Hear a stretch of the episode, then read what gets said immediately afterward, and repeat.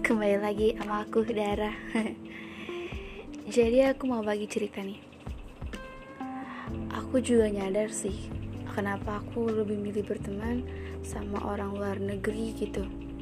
Soalnya Aku itu pernah kayak dibully Nggak dihargain. Ya di tempat aku sendiri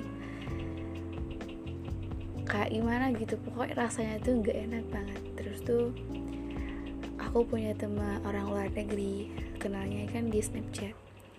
Dia tuh kayaknya orangnya nggak pede gitu kan cowok terus aku yakinin kamu harus percaya sama diri kamu karena kamu itu good people.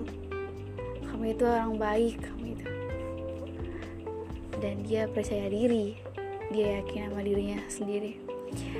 Maupun gimana maupun kamu di tempat mana pasti kita itu pernah insecure jadi kita sebagai manusia harus bisa saling menguatkan, bukan malah saling menjatuhkan, mengejek.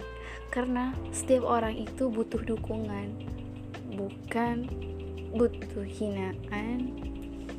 Ya, kita itu harus saling mendukung, bukan saling menjatuhkan.